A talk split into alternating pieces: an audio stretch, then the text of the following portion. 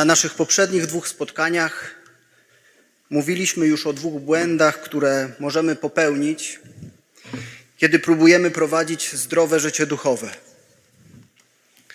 Pierwszym tym błędem było poczucie winy.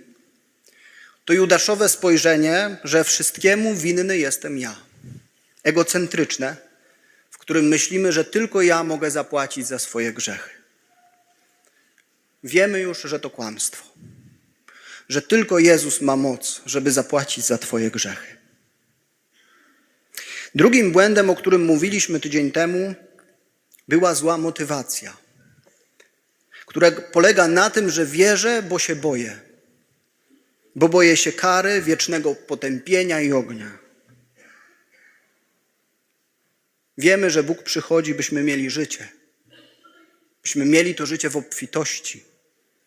Że nieustannie powtarza, byśmy się nie bali. Że nasze życie nie ma być przepełnione lękiem, ale ma być odpowiedzią na miłość, której doświadczyliśmy. Tu jednak pojawia się kolejny problem. Czy my doświadczyliśmy tej miłości? Gdybym Cię, siostro i bracie, dzisiaj zapytał o Twoje doświadczenie Bożej miłości, o to, czy doświadczyłeś jej, czy ją spotkałeś w swoim życiu, o to, czy masz w swoim życiu takie wydarzenia, przeżycia, momenty, które możesz powiązać z doświadczeniem Bożej miłości. Gdybym Cię zapytał, czy w swoim życiu naprawdę doświadczyłeś Bożej obecności, pomyśl chwilę. Co byś mi odpowiedział?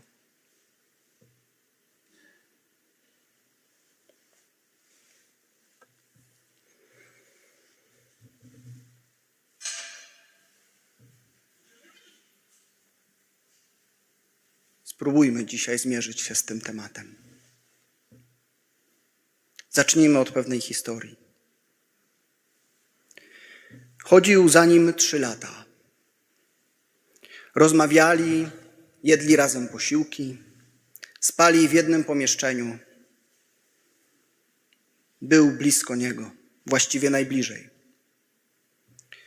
To jemu Jezus powierzył opiekę nad wspólnotą uczniów, a on w ich imieniu chętnie się wypowiadał, bo czuł się za nich odpowiedzialny. Wydawało mu się już, że zna wizję Jezusa że rozumie, po co Jezus przyszedł na świat i że On, właśnie On jest tym, który ma też prawo do tego, by wizję Jezusa kwestionować, by go poprawiać, bo przecież został wybrany. I wiele razy podważał jego decyzje i wybory. Nie przyjdzie to nigdy na ciebie, mówi do niego, kiedy Jezus zapowiada swoją mękę. Miał nawet w sobie tyle zapału, żeby zaryzykować swoje życie, a na pewno bezpieczeństwo, kiedy odciął ucho jednemu z nieprzyjaciół Piotr. A potem? Potem trzy razy powiedział, że go nie zna.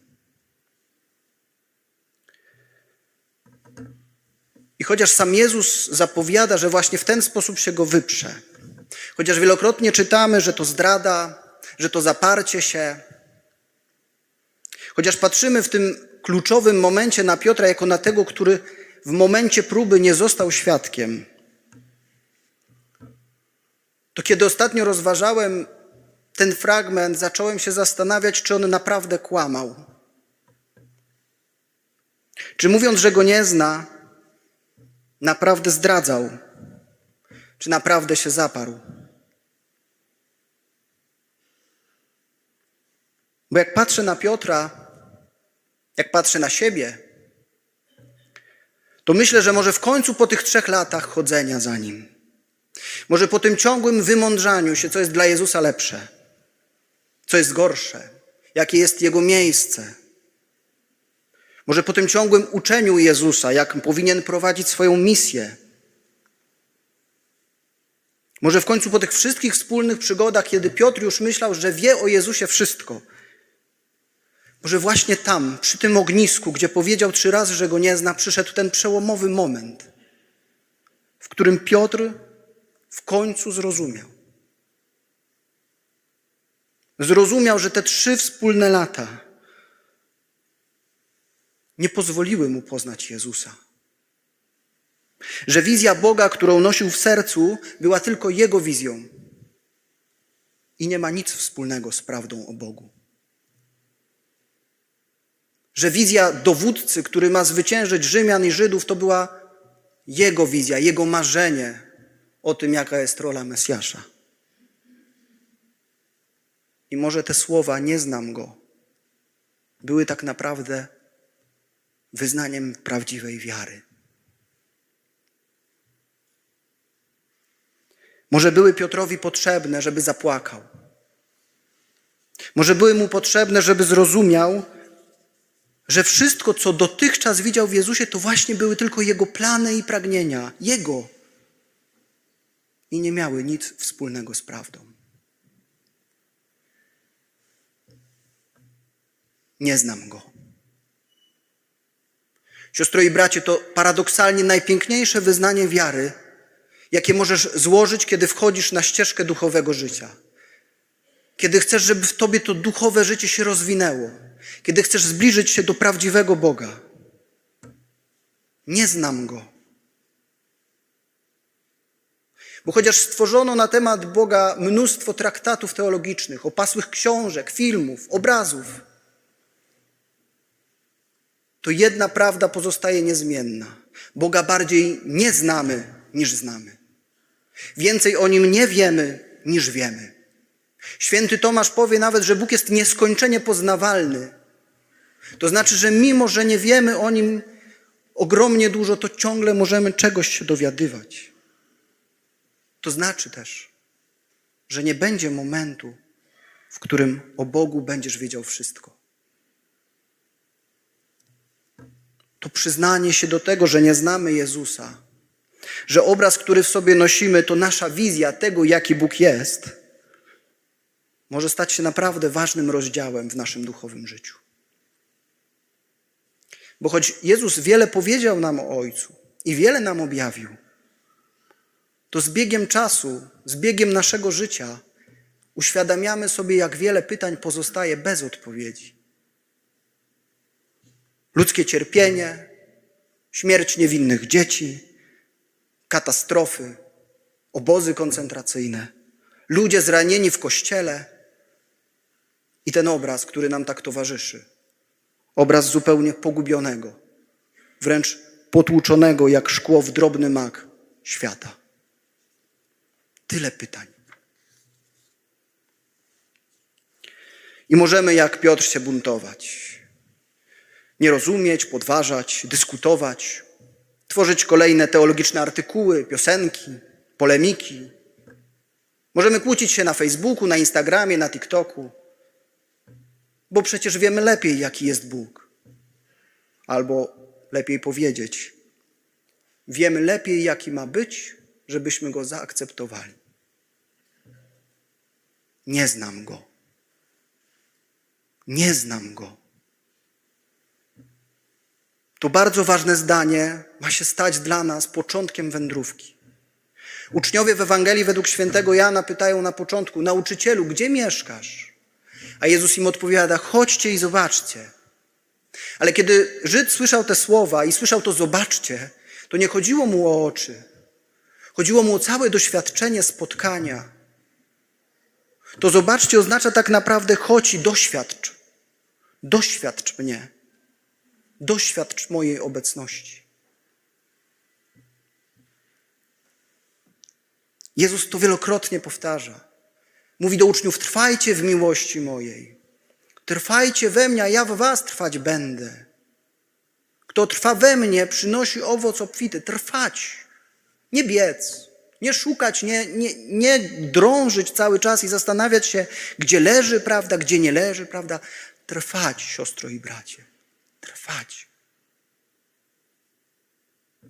Jezus o tym trwaniu mówi wielokrotnie o pewnym rodzaju takiej świętej bezczynności. Droga do spotkania Boga nie polega na intelektualnych wysiłkach, na czytaniu wszystkich najmądrzejszych książek, żeby Boga spotkać, trzeba go doświadczyć. Chodźcie i doświadczcie. Doświadczcie mnie. I chcecie dzisiaj, siostro i bracie, zaprosić do takiego doświadczenia. Chcecie zaprosić do duchowego ćwiczenia, które tu razem podejmiemy za chwilę. To nie znaczy, że Twoje życie teraz odmieni się o 180 stopni. Prawdopodobnie nie, choć nie nam decydować, jak poprowadzi Cię Boży Duch. Ale życie duchowe, jak każde inne, potrzebuje praktyki i ćwiczenia. I chcecie dzisiaj zaprosić, żebyśmy się tu wspólnie pomodlili taką modlitwą obecności.